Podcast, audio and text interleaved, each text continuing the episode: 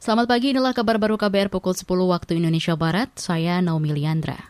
Presiden Joko Widodo menyerukan langkah-langkah luar biasa di tataran global untuk mengendalikan dan mengatasi dampak perubahan iklim. Hal itu disampaikan Jokowi dalam konferensi tingkat tinggi mengenai adaptasi iklim 2021 yang digelar secara virtual.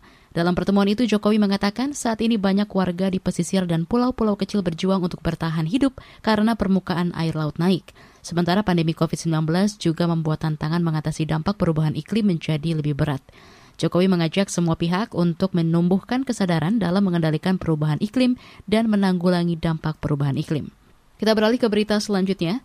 Nilai tukar rupiah pagi ini bergerak melemah 46 poin menjadi 14.065 rupiah per 1 dolar Amerika Serikat.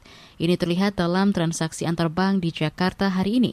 Sementara itu pada perdagangan indeks saham, pagi ini IHSG dibuka di level 6.257 dan bergerak melemah. Kita beralih ke berita selanjutnya. Saudara, pemerintah Swedia akan memusnahkan sekitar 1,3 juta ekor ayam setelah kasus flu burung ditemukan di sebuah peternakan di negara itu.